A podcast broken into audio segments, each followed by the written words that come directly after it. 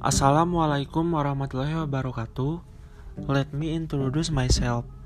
I am Ilham Hendrik Maulana from Group 7. I agree with the answer of Medina and Aulia.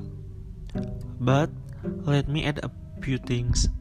Citizenship education as a subject in the primary and secondary education curriculum has a a national vision and mission to develop the potential of students to become smart, honest, caring, and top citizens. With Pancasila as the core substance of the content and learning process. Therefore, Pancasila must be fully understood and lived and finally practiced in everyday life.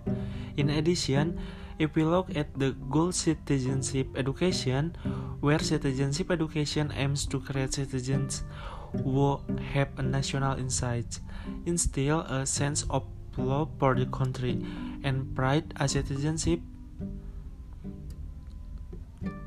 of Indonesia in the young generation of the nation future.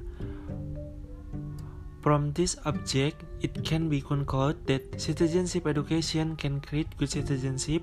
Besides that, in my opinion, citizenship education also emphasizes the moral aspect because citizenship education includes character education to form students with good character.